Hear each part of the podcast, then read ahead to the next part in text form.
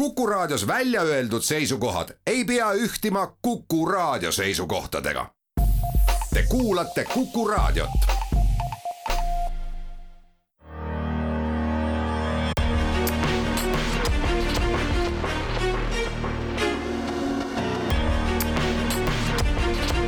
välismääraja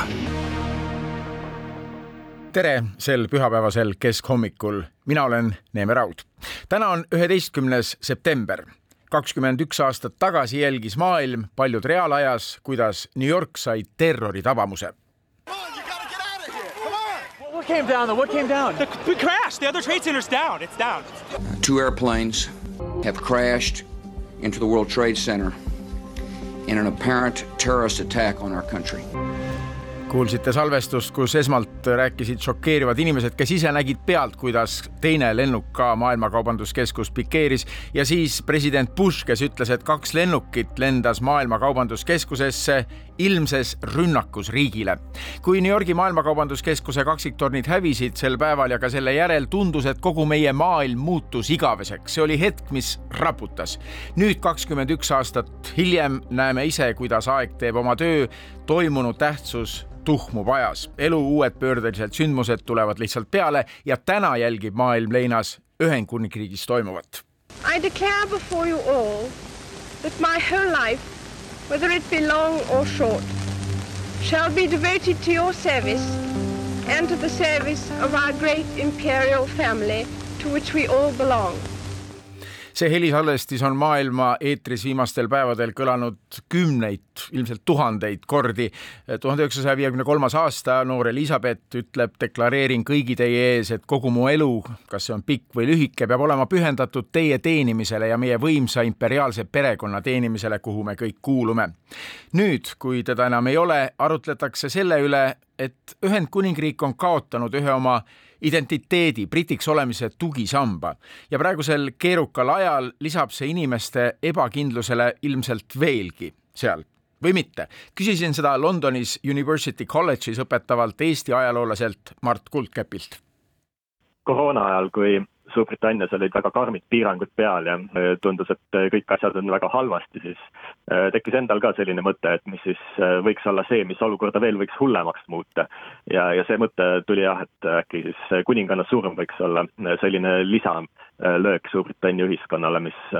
mis teeks asjad veel halvemaks, aga siis praeguses olukorras võib-olla võiks öelda, et need asjad nii halvasti enam ei olegi, aga see kuninganna surm ka siis toimus võib-olla olukorras, kus seda on ühiskonnal kergem taluda ja vastu võtta. koroonast on enam-vähem välja tuldud või vähemalt see ei ole selline akuutne probleem enam. Brexitiga samamoodi, et mingisugune diil on ikkagi ära tehtud, et seal on oma järellainetus ja kuidas see kõik täpselt äh, laheneb Äh, seda me veel näeme, samas nüüd on ka peaminister vahetunud ja ei ole võimatu, et äh, tegelikult ka see teema nüüd on rohkem laualt maas, sellepärast et Boris Johnsoni jaoks oli ikkagi noh, see tema poliitiku tee selline kulminatsioon, see Brexiti toimumine ja selle diili tegemine, et ega ta midagi suuremat ju ei teinudki äh, oma, oma peaministriks oleku aja jooksul, kui see Brexiti lepe Euroopa Liiduga noh, okei okay,, ka relvaabi Ukrainale ja nii, aga seda muidugi sisepoliitiliselt äh, võib-olla nii väga esile tõsta ei saa seal. et äh, praegu, kui on uus peaminister juba platsis, koroonast on enam-vähem välja tuldud, noh muidugi on meil inflatsioon, kõrged energiahinnad, et äh, see aga ei ole, ei ole loomulikult ainult Suurbritannia probleem, et see puudutab ju teisi riike samamoodi, et võib-olla praegusel hetkel see, see mõju ei olegi nii hävitav just selle konkreetse hetke suhtes ja teistpidi võiks ka öelda, et võib-olla äh, noh, selline suur üldrahvalik lein ja, ja selle järel ka siis äh, uue kuninga troonile asumine, kroonimispidustused, kõik, mis sellega kaasneb, et see võib-olla hoopis aitab ühiskonda äh, siduda või toob ta jälle uuesti kokku et seal Suurbritannias on hästi levinud selline mõiste nagu blitz spirit, et see on siis äh, teise maailmasõja aegne pommituskogemus, et siis kui äh, Natsi-Saksamaa Suurbritannia äh, linnu, eriti Londonit pommirünnakutega püüdis maha suruda. et ühest küljest jah, väga õudne, et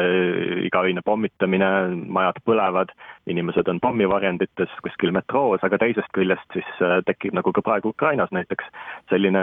noh, õlg õla kõrval tunne, et inimesed aitavad üksteist, inimesed on üksteisele toeks, siiamaani mäletatakse seda hea sõnaga. ja siis ma mõtlen, et võib-olla praeguse kuninganna lahkumine ja siis uue kuninga tulek, et sellel võib olla oma positiivne mõju just selles konkreetses ajas. et tuletada inimestele meelde võib-olla seda, et on ka asju, mis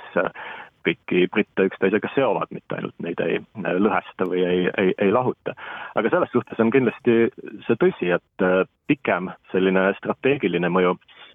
on äh, jah, negatiivne või siis kui mitte negatiivne, siis vähemalt selline segadust tekitav, et ei tea, mis siis täpselt edasi hakkab saama. ma ise jälgin igapäevaselt varasema elu tõttu Ühendriikides Ameerika meediat ja seal ilmunud järelhüüetes püütakse nagu selgust leida, aga et mis ikkagi on see, mis annab brittidele vajaduse demokraatlikus riigis hoida üleval ühte perekonda, kus tõesti ei valita kedagi, kus järglasest saab järgmine riigipea ja samas on see perekond ja ongi liimiks, nagu sa ütlesid, ühiskonna siduvuse tagajaks. eks see näitab, et Suurbritannia ongi selline natukene eriline äh, riik äh, tänapäeva Euroopas vähemalt ja võib-olla siis ka tegelikult globaalses äh, mõttes, et äh, ta on küll jah, riik, demokraatlik riik, kahtlemata, aga ta ei ole rahvusriik. Ja seda on tegelikult sellise tüüpilise eurooplase, võib-olla ka noh, natuke ka ameeriklase vaatenurgast kuidagi raske, raske endale selgeks teha, et kuidas see võimalik on. aga Suurbritannia ei koosne ainult ühest rahvusest, et seal on tegelikult selle ühe riigi sees on mitu sellist väiksemat maad oma nende rahvustega, on Inglismaa, Šotimaa, Põhja-Iirimaa, äh, Wales, tegelikult just rohkem kui, kui keel või kultuur või ajalugu või miski muu selline, äh, neid seovad institutsioonid ja need institutsioonid on igivanad, need on alati olemas olnud, see on see, kust tuleb see jah, noh, see ühiskonda kokku siduv liim. seda ongi, ütleme, väljaspoolt tulijal natuke raske mõista, kus noh, need institutsioonid on teistsugused või neid ei olegi. et ütleme, Eesti on selline väga tüüpiline rahvusriik, mis on, ongi ehitatud ja seda on ka põhiseaduses väga selgelt välja öeldud, ongi ehitatud eesti keele ja kultuuri kaitseks, ei ole Eesti riigile tegelikult kokkuvõttes noh, minnes asja juurte juurde muud põhjendust kui see, et on olemas eesti rahvus ja eesti keel mida peab kaitsma. aga Suurbritannias see niimoodi ei ole, et äh, Suurbritannia selles suhtes on natukene kuidagi eelmodernne riik, et äh, riik, mis äh, ei ole võib-olla läbinud neid arengustaadiume, mis on läbinud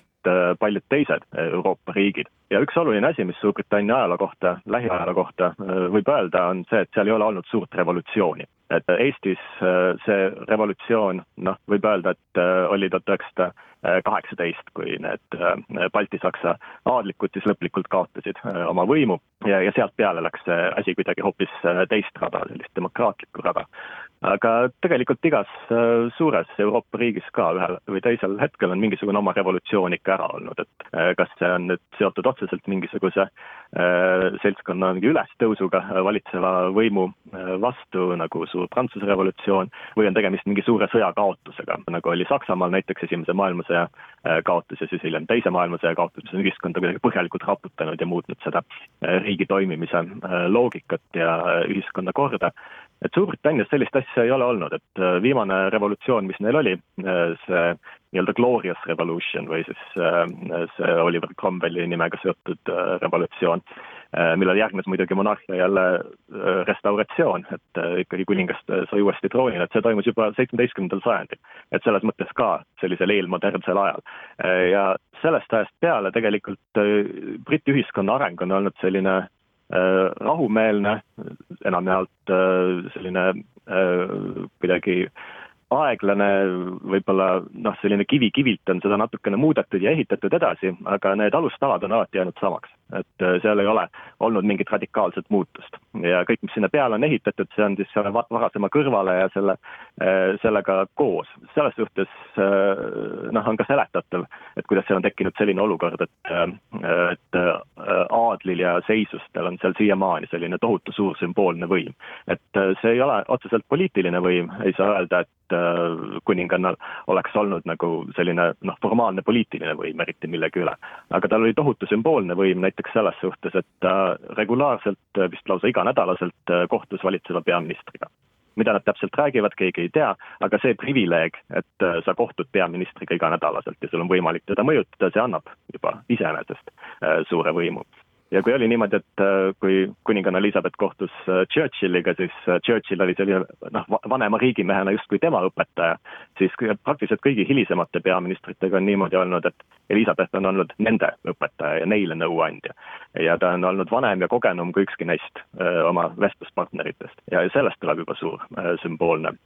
võim. See eelmodernsus ei laiene muidugi mitte ainult temale, vaid siis kogu tema perekonnale tervikuna ja, ja sealt tulevad jälle sellised omapärased äh, nähtused, et äh, mitte ainult äh, monarh ise, vaid ka tema pereliikmed peavad seda rolli täitma ja käima justkui nagu sellist nööri mööda, sest neil on pidevalt avalikkuse tähelepanu ja sellest aja jooksul on muidugi tulnud ka igasuguseid erinevaid skandaale. et ka, ka veel üsna viimasel ajal, mida me kõik mäletame. eelmodernsus, jäin siin mõtlema aga sellele, et Magna Carta, parlament, britid on maailmale mm -hmm. demokraatlikus mõttes ju ka niivõrd palju andnud jah, aga Magna Carta muidugi kehtis aadlikele, et see ei olnud selline demokraatlik äh, nähtus, mis oleks need õigused laiendanud kõigile inimestele äh, ühiskonnas. ja see majoritaarne valimissüsteem, mis seal aegade algusest peale on olnud ja on siiamaani, et sellel võib ka noh, demokraatlikkuse suhtes ikkagi teatavaid etteheiteid teha, et äh, selles suhtes proportsionaalse valimissüsteemiga riik nagu Eesti, ma ütleksin, on kindlasti demokraatlikum. teisest küljest nende riik jälle on stabiilsem, sellepärast et noh, reeglina on selline olukord, et ühel erakonnal, kui ta äh, parlamenti jõuab pärast valimisi, on ikkagi absoluutne enamus ja nad võivad, võivadki oma seda poliitilist programmi tänu sellele,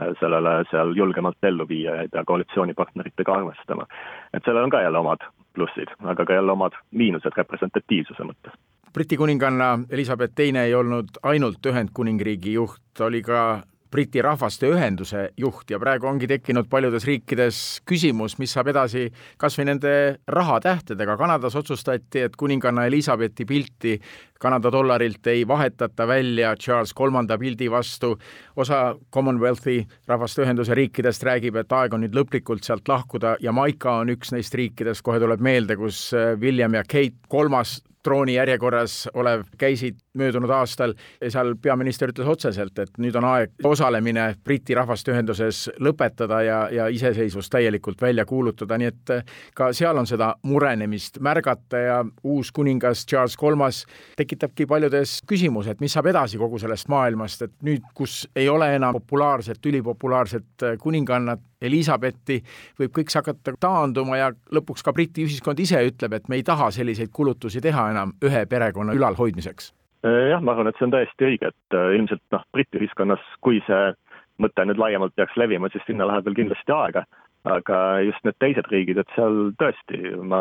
mõistan, miks nad äh, sellise küsimuse on, on püstitanud, sest kokkuvõttes Elizabeth oli ikkagi niivõrd kaua, kaua aega troonil, kogu see institutsiooni väärikus äh, nii lahutamatult kasvas kokku tema kui isiku väärikuse ja, ja rolliga äh, maailmas. et kui nüüd tema sealt on ära kadunud, siis tekib küsimus, et mis sellest institutsioonist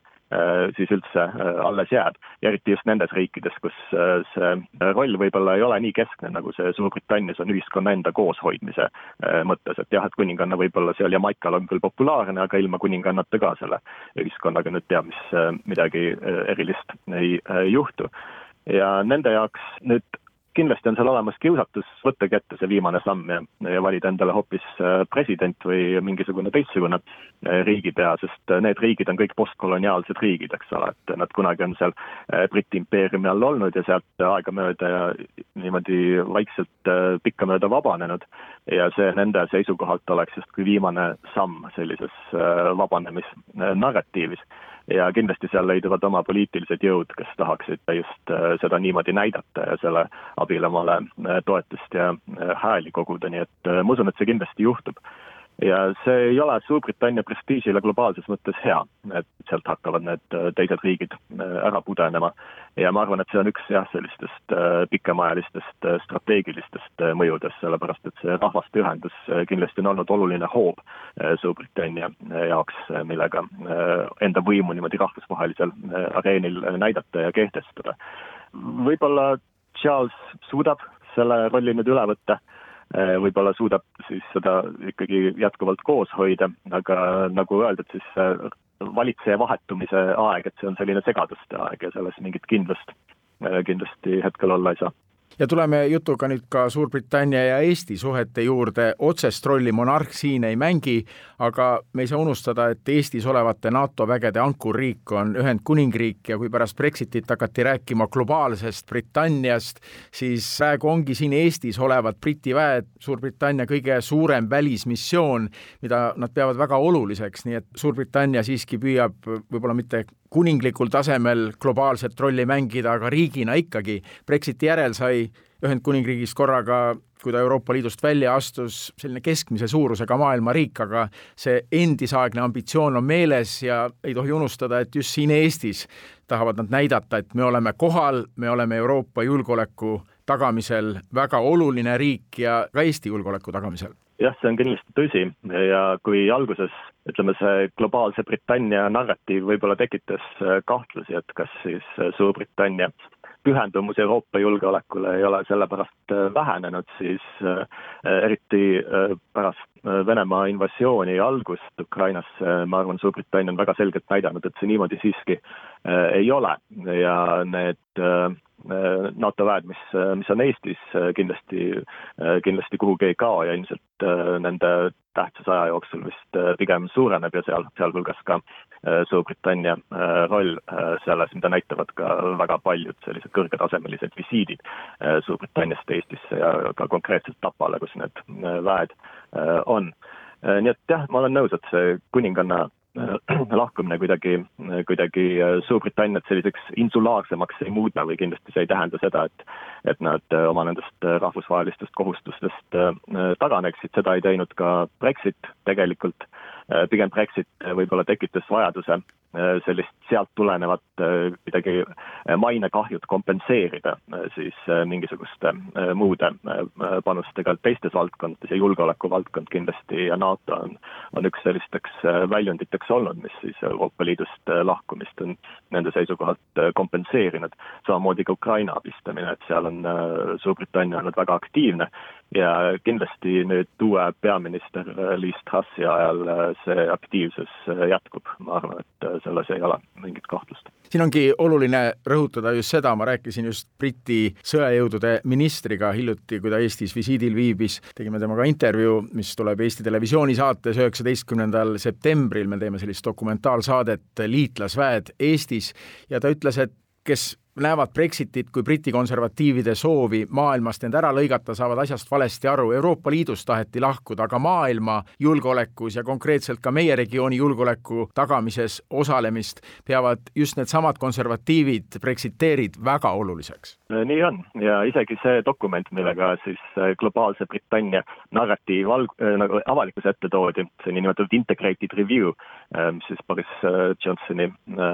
valitsuse poolt koostati et seal on Eestit mainitud nagu konkreetselt, äh, mida ei saa öelda noh, enamiku teiste maailma riikide kohta, et äh, isegi ütleme, selle narratiivi tipphetk äh, ikkagi äh,, ikkagi sisaldas endas seda meenutust, et äh, mis puutub Eestisse, siis Suurbritannia oma kohustustest ei äh, tagane vaadates seda, mis toimub praegu Briti saartel, mis on siis nüüd järgmised sammud? ees on veel palju suuri riiklikke sündmusi. Jah, et noh, kuningaks sai ta automaatselt äh, kuninganna surmahetkel. Ja siis kohe pärast seda, ma arvan, saadeti laiali ka esimene pressiteade, mille ta juba allkirjastas kuningana. Eile laupäeval toimus kuninga ametisse vannutamine, aga siis kroonimine kui selline võtab veel aega, et see tihti toimub aasta või isegi poolteist aastat pärast kuninga või kuni, noh, monarhi vahetumist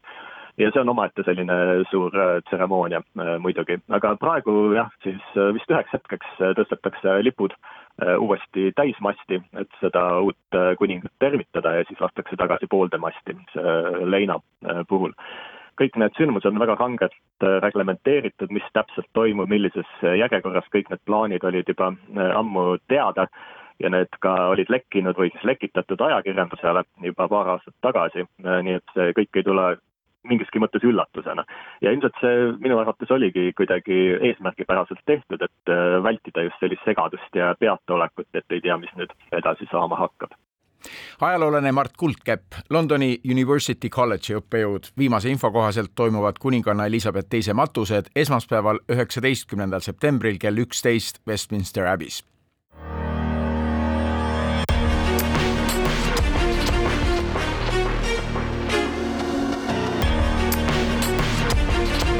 välismääraja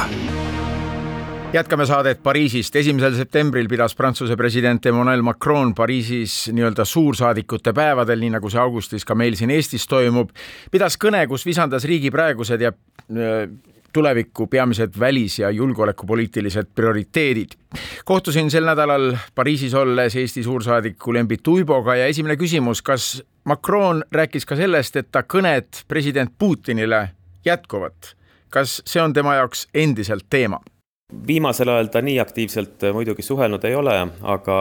mis puudutab seda teoreetilist võimalust, et diplomaatilised kanalid lahti hoida ka Venemaaga suhtlemisel, siis oma kõnes Prantsuse president tõepoolest seda toonitas, et tuleb rääkida ja tuleb rääkida eriti just nendega, kellega ühel meelel ei ole, et see ongi diplomaatia ülesanne et mis, mis mõte muidu diplomaatiat teha oleks, kui räägiks ainult nendega, kellega ühel meelel oleme, nii et äh, selles suhtes jäi ta enda senisele joonele kindlaks, et äh, vajadusel räägib. Ja täpsustas veel nõnda, et see dialoog peaks siis laduma pinnast sellele, et äh, juhul, kui Ukraina ja Venemaa on mingi hetk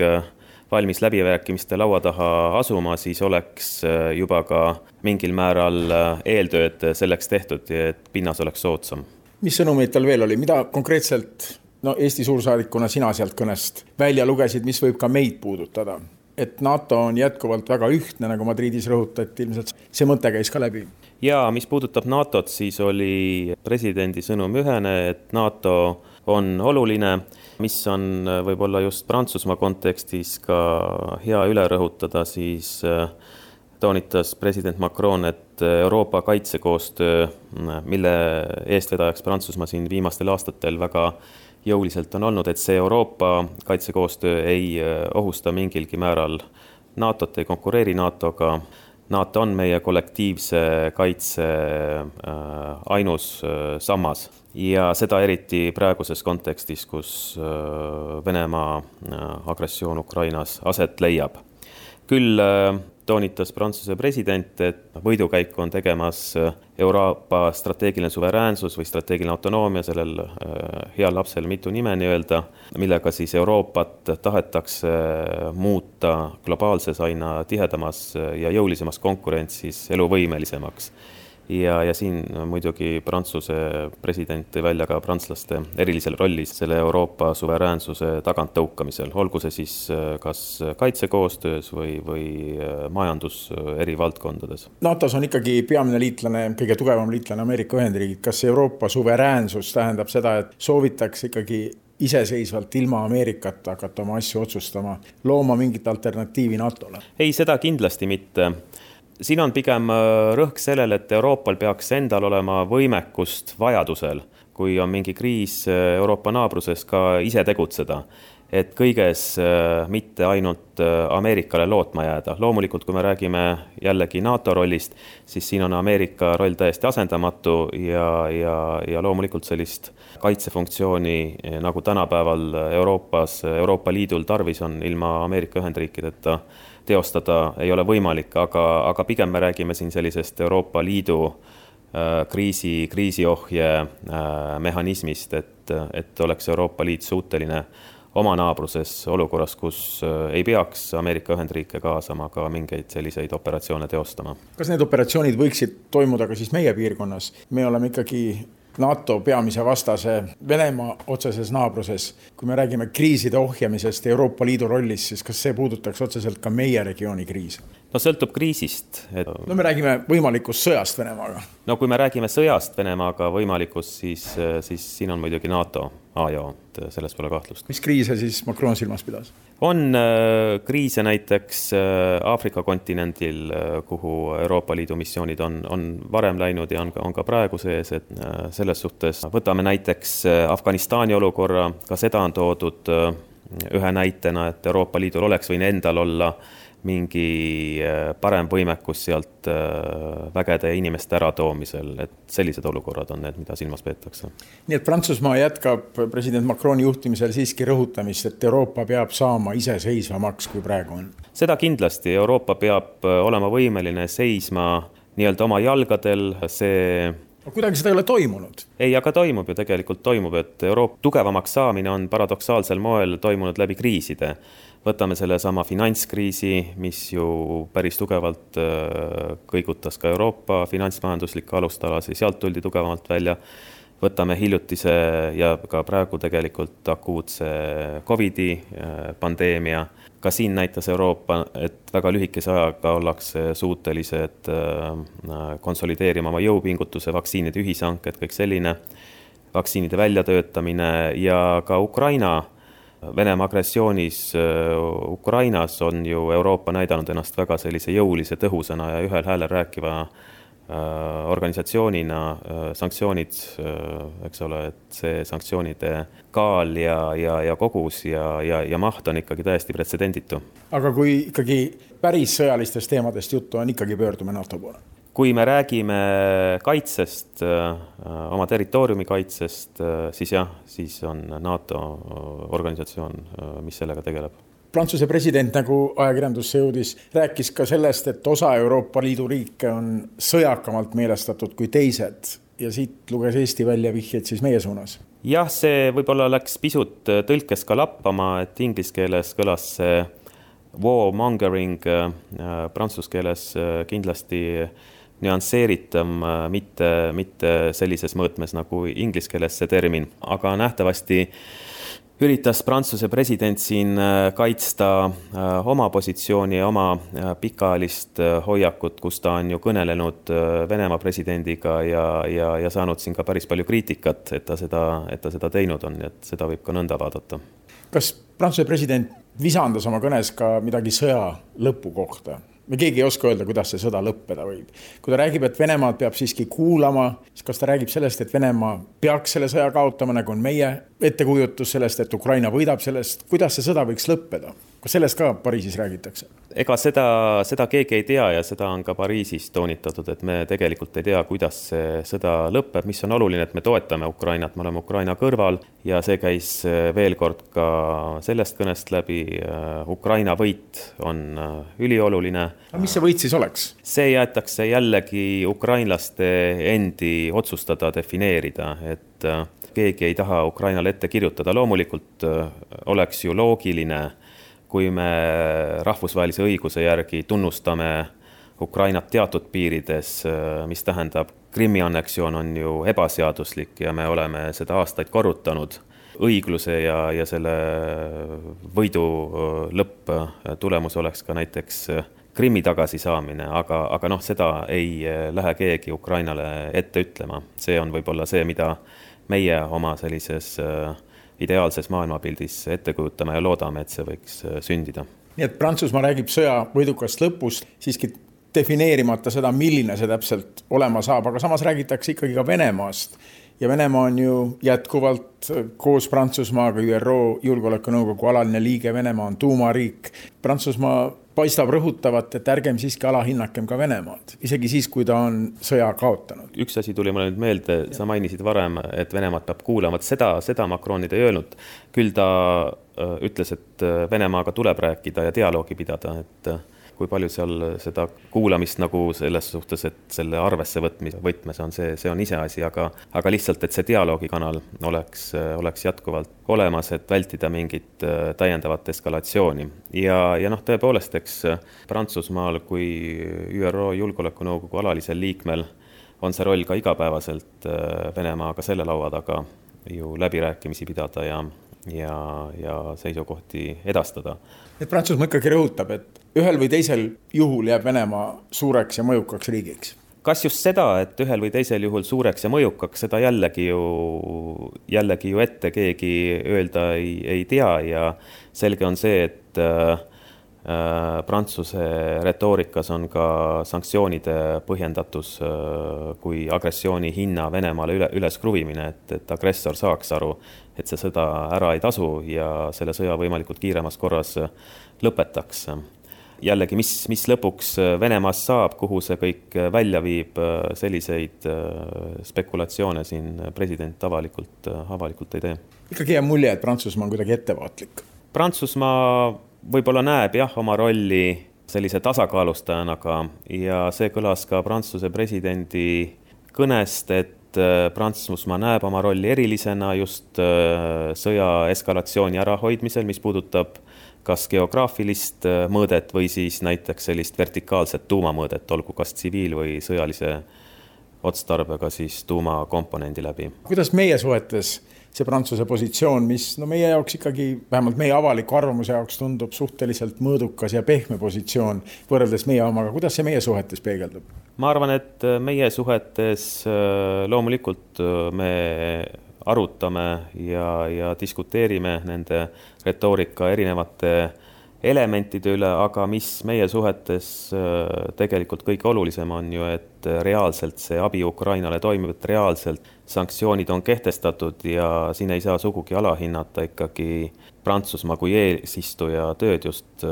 viimase kuue kuu jooksul, kus, kus sõda puhkes ja tuli mobiliseerida Euroopa ja, ja väga kiirelt väga kiirelt reageerida, nii et siin oli Prantsusmaa roll oli täiesti asendamatu ja, ja väga tõhus ja suurepärane ja ka üks asi, mida me veel maininud ei ole, mis Ukrainat puudutab ja tohutult oluline on Ukrainale äh, ja ka Moldovale kandidaatstaatuse andmise, kus, kus president Macroni roll, Prantsusmaa roll oli tegelikult vägagi märkimisväärne. ja muidugi meie suhetes ka see, et Prantsuse väed on reaalselt Eestis NATO jõudude raames kohal. Täpselt, see on äh, väga oluline element meie koostöös, äh, kaitsekoostöös. Me omalt poolt oleme panustanud Aafrikas, Malis, nüüd küll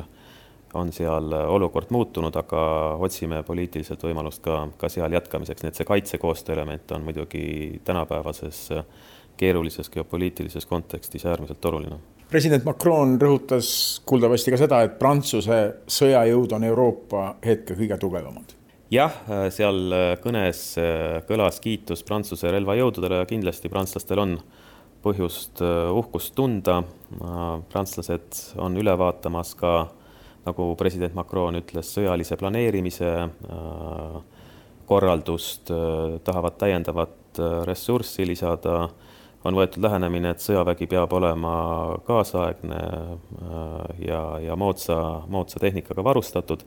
ja loomulikult on prantslastel ka tuumariigina väga oluline tuumakomponent, mis neile kindlasti rahvusvahelisel areenil kaalu lisab kõne oli väga pikk, kahetunnine suursaadikute konverentsi raames äh, peetud kõne ja noh, väga suure osa kõnest pühendas president äh, käesoleva geopoliitilise rahvusvahelise olukorra analüüsile. kuidas ta toon oli? Olukord on väga kriitiline ja karm. jah, tõepoolest, äh, olukord on väga tõsine, mm, eks seda ju räägitakse kogu aeg, et ajad on sellised tõsised ja, ja enne nii tõsised ei ole olnud, aga, aga see, see, seekord leidis see äh, eriti rõhutamist. see iseloomustus äh, kattub meie arusaamaga väga paljus. Äh, ja, ja tõepoolest, mis president välja tõi, et, et sellised kaks tendentsi on praegult kokku saanud, juba aastaid toimunud surve nii Venemaa kui ka Hiina poolt rahvusvahelise korra õõnestamisele ja kogu selle äh, reeglitepõhise maailmakorra siis äh, ümber vormimisele, et see on muutunud aina äh, intensiivsemaks. meid ohustab Venemaa imperialistlik loogika ja Hiina katsed rahvusvahelisi mängureegleid ümber korraldada ja veel tõi ta välja, et siis Ukraina sõja struktuursem selline geopoliitiline tendents on konkurents ka USA ja Hiina vahel kuidas kajastub Hiina küsimus, tahtsingi küsida, Prantsuse välispoliitikas, USA ikkagi jätkuvalt rõhutab, et jah, Venemaa on alustanud sõda Ukrainas, aga Hiina on meie suurim rivaal. kuidas näeb seda Prantsusmaa? Prantsusmaa näeb äh, ka ühe sellise Euroopa Liidu strateegilise suveräänsuse elemendina seda, et Euroopa Liit selle kahe suure mõõdu võtmises päris ära ei kaoks, vaid suudaks ka omal häälel aktiivselt äh, kaasa rääkida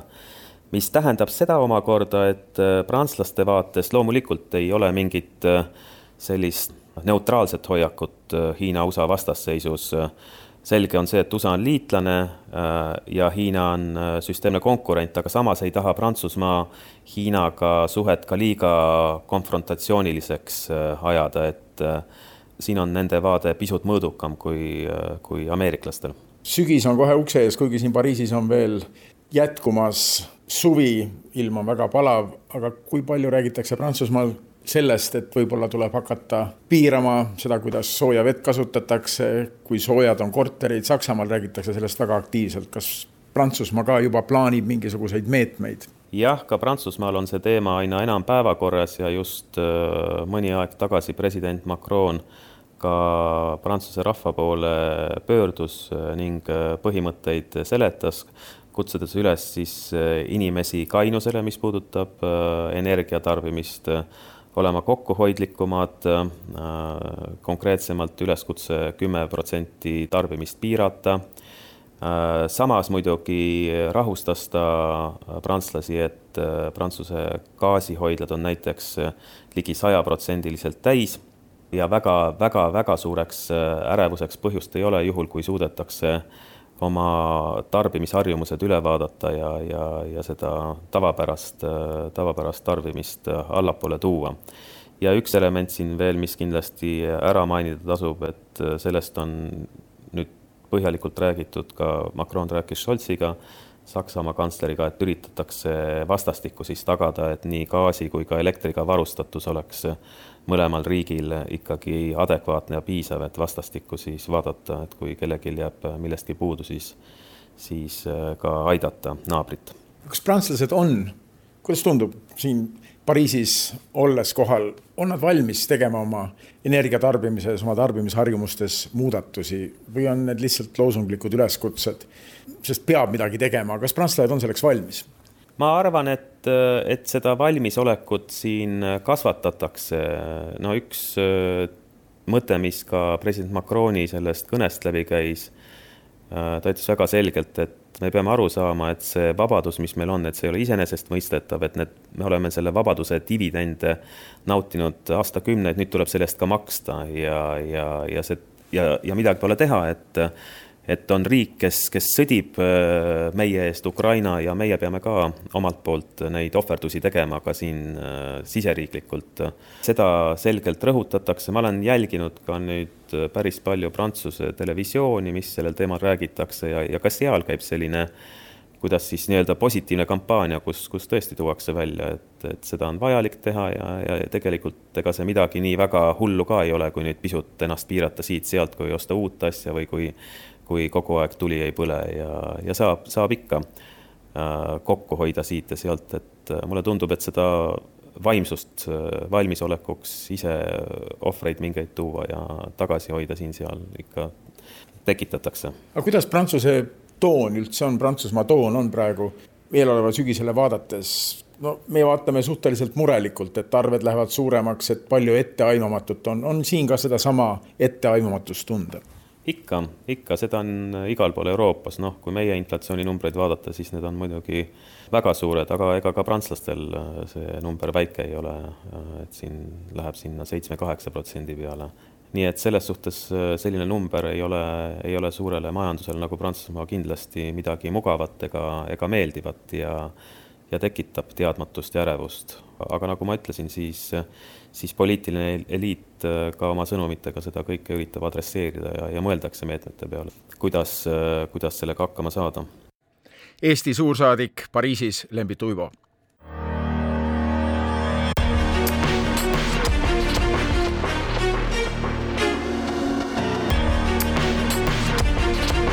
välismääraja. Eesti kõrgkoolidel sai läinud suvel valmis analüüs Eesti ja Aasia suhete kohta, just nimelt Aasia laiemalt, mitte Hiina või Jaapani ja Eesti, vaid Aasia suhete kohta. Ja üks soovitus selles suhete arendamiseks oli, et ERR, Rahvusringhääling, võiks avada oma korrespondentpunkti Aasias ja see võiks asuda Singapuris. Singapur, see linnriik, kus Eesti avas ka ühe oma viimastest saatkondadest maailmas, on korraga väga eredalt Eesti radaril. Ja stuudios on Eesti suursaadik Singapuris Priit Turk, tere. päevast! Tere päevast! kuidas siis korraga Singapuri täht Eesti radaril, Eesti maailmakaardil nii eredalt tõusnud on? ma arvan, et seda kajastab ka seesama raport väga hästi, et Eesti on pikalt mõelnud et käimas on Aasia, nii-öelda Aasia sajand ja me peame oma nägu rohkem Aasia poole pöörama. seal on erinevad põhjused, aga küsimus on ka kuidas ja loomulikult me teame, et Aasia on üks väga suur ja mitmekesine kontinent ja koosneb väga erinevatest suurtest riikidest ja me teame, mis seis on, seis on meil Hiinaga suhetes, siis väga suurt potentsiaali tegelikult näeme me järjest rohkem just nimelt Kagu-Aasias kus elab kuussada viiskümmend miljonit inimest. Aasia sajand, me ikkagi oleme kuulnud pidevalt Hiina sajandist. just nimelt, ma arvan, et see on see muutus, mille me peame ka oma välispoliitikas äh, läbi viima, on tegelikult nägema Aasiat palju laiemalt, kui seda on ainult Hiina. et siin loomulikult India, aga Kaug-, Kagu-Aasia samamoodi, Jaapan, ehk siis äh, nii majanduslikus mõttes kui poliitilises mõttes on, ma arvan, et äh, aeg palju-palju rohkem tähelepanu sinna pöörata. lugedes maailma suuri lehti, üks teema, mis kordub nädalast nädalasse, on see, kuidas Hongkong on kaotamas oma varasemat sära Aasias kõige olulisema finantskeskusena ja paljud firmad on sealt kolimas ja kolinud juba Singapuri. Singapurist on saamas uus Hongkong ja seega ka Aasia finantsepitsenter. jah, Singapur on olnud üks Aasia epitsenter kogu aeg ja finantskeskus, aga tõesti, Hongkongi paratamatu hääbumine toob järjest rohkem ettevõtteid Singapuri ja see ei ole ainult Hongkong, tegelikult liigub järjest rohkem ka Mandri-Hiinast, kes vähegi saab, liigub Singapuri tegutsema sa oled kohapeal olnud nüüd üle aasta juba, me räägime, sina oleme juba tuttavad New Yorgi aegadest, kui sa ÜRO-s töötasid, kohapealne vaade, kuidas siis see Hongkongi sära kadumine mõjutab Singapuri, on siis elu läinud kallimaks hüppeliselt, kinnisvara? jaa, absoluutselt, kinnisvara, elukallidus, kõik see on tõesti tõusnud, sest me räägime ikkagi Hiiumaa suurusest saarest, kuus miljonit elanikku, Covidi tõttu osad väljamaalased küll lahkusid, kuid nüüd on äh, lisaks äh, Hongkongist ja Hiinast tulevale survele on ka Euroopast ja mujalt maailmast tagasi tulemas äh, noh, ettevõtete regionaalsetesse kontoritesse järjest rohkem nii välistööjõudu, nii et see veel omakorda tõstab sealset elukallidust. paneme need arvud ka siia meie lauale, natuke pilti saada, mida see kalliduse tõusmine siis tähendab? Inimesed räägivad lugudest, kus üürilepingu uuendamine, kõige hea variant on, kui sulle pakutakse viiskümmend protsenti tõusu, tõusu aga on, olen kuulnud, kus pakutakse sada kakskümmend protsenti. mis need üürilepingud on siis, ütleme selline ühe magamistoaga kahetoaline korter Eesti mõistes, üür? paar tuhat äh, eurot. aga seal on ka kinnisvara väga, nagu paljud asjad Singapuris, väga äh, riigi poolt korraldatud, ehk siis Singapuri elanik nemad elavad enamus riigi poolt, eh, riigi poolt ehitatud eh, kortermajades ja seal on üürid eh, rohkem kontrollitud ja aga kui sa tuled välismaalasena elama ja nii-öelda võtad turult, siis need hinnad on ikka, ikka väga krõbedad, jah. Singapur ikkagi ennekõike kui finantskeskus, sellest ikkagi Eesti peamine huvi Singapuri vastu? ma ütleks Eesti huvi, meil on kolm huvi, ma arvan niimoodi laias laastus, üks on tõesti, et meie ettevõtted äh, tunnevad huvi Kagu-Aasia turu vastu ja Singapur on selgelt äh, see keskus, see haab, kust, kust alustada, kus kand maha panna, seal on erinevad põhjused, üks on kindlasti nende ühend-, ühendused kõigi teiste riikidega, teine on õigusruum, isegi startup idele soovitatakse ja ka regioonis, et Indoneesias tekkiv startup, et ta kohe ennast ka registreeriks Singapuris, sellepärast et see annab sulle õiguskindluse. et kui sul hästi hakkab minema, siis sinu nii-öelda edu on kuidagi tagatud äh, õiguslikult ka et see on ka soovitus meie ettevõtetele, aga see on nagu platvorm, et liikuda edasi, et nii nagu Eesti ei ole turg kui selline, meie oleme värav Euroopale, sama on äh, Singapuriga, et see on värav äh, Kagu-Aasiasse ja, ja see on väga tavapärane muster ettevõtjatele. augusti lõpus oli meil siin äh, suursaadikute päevade raames ka äridiplomaatia päev, kus meil oli Aasia fookus ja ja Singapuri vastu tundis üle seitsmekümne firma huvi ja põhjus on geopoliitiline tähtsus. Singapur on kindlasti üks selline närvipesa kus tunnetada, mis globaalses jõumängus toimub eelkõige Hiina ja USA vahel, et, et kui me võtame selle viimase Taiwan'i kriisi, Singapuris sai väga hea tunnetuse, kuivõrd see nii Hiina või USA poolne käitumine tekitab seal regioonis pingeid, kuid ka laiemalt, et kas globaalne tasakaal ja kõik hakkab nii-öelda murenema, kas see võib välja viia konfliktini või mitte. Ja Singapur on väikeriigina, nii nagu Eestigi, tähtsustanud alati välispoliitikat ja neil on väga läbimõeldud ja, ja analüütiline välispoliitika, ehk siis kui juba Singapur ütleb avalikult välja, et me vaatame suure murega järgneva kümne aasta peale, et nii rahulikku aegu, kui me oleme seni kogenud, et ei pruugi olla, tulla, et siis ma arvan, see on ohumärk meile ka. Lugesin just, et augusti lõpus, kui Singapur tähistas rahvuspüha, ütles peaminister Lee Hsien Long, et peamine mure ongi just nende jaoks USA ja Hiina suurenenud pinged, on Singapur peamiselt mures siis Taiwan'i tuleviku pärast või seal on ka Ameerika kohalolu meredel ja Hiina kohalolu meredel? ja nad kindlasti on mures sellepärast, et kui regioonis tekib konflikt, siis nemad, kes on nii-öelda globaalsest majandusest sõltuv, nad saavad väga hästi aru et, et seitsekümmend protsenti ju maailma kaubateedest käivad kõik sealt läbi, et see kõik peatab kogu selle, selle protsessi, kuid ma ütleks isegi, et nad ei ole ainult mures äh, Taiwan'i pärast, vaid nad on samavõrra mures ka Ukraina sõja pärast. Nad, nad saavad väga hästi aru, kui rahvusvaheline õigus äh, enam ei kehti ja suurem tuumariik lastakse äh, lihtsalt hävitada oma naaberriik või äh, ja lõhkudes ükskõik äh, milline rahvusvahel, millist rahvusvahelist õigust, siis nende eksistents on küsimärgi all samamoodi, sest ka nende piirkonnas võib nimesid nimetamata, aga on riike, kes on Lõuna-Hiina merel püüdnud neid piire juba liigutada pikka aega, ehk siis see annab hoogu Äh, ja võtab ära hoogu nendele, kes tahavad seda jõuga teha ja võtab argumente neilt ära, kes rahvusvahelist õigust, õigusest on seni lähtunud. tahtsingi jõuda just Ukraina teemani, me räägime murest Hiina pärast, aga kuidas Hiina jääbki ju ette suurelt Hiina meie, meie regioonile, meie regiooni ja Singapuri vahele, kuidas paistab see meie regioon ja see meie peamine konfliktikolle, no mis konfliktikolle, sõda Ukrainas välja ja kätte sinna. Singapur on ja Singapuri valitsus on ääretult mures, äh,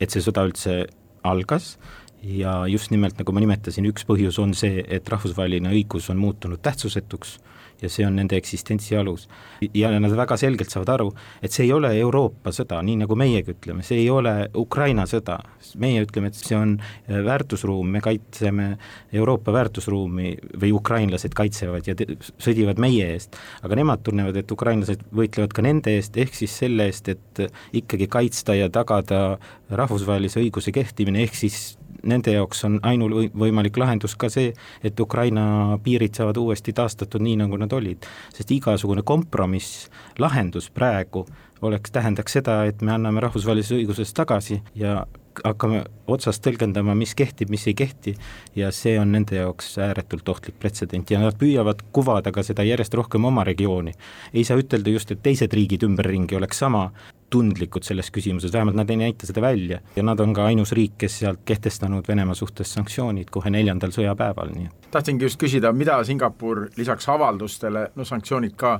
mida nad saavad siis teha? väike riik nagu Eestigi, ikkagi peamised on avaldused, rõhutamine, et väärtuspõhine maailmakord peab püsima täpselt nii, nagu ka meie teeme jah, e, aga ega, ega sealt neil palju muud ei olegi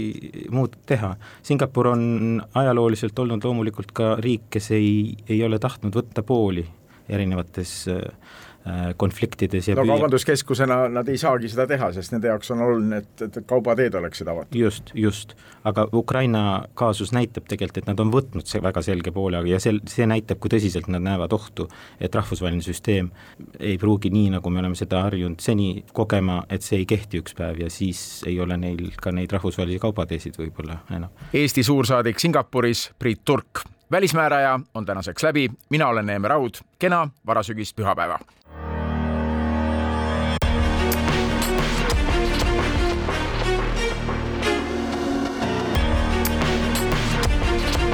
Välismääraja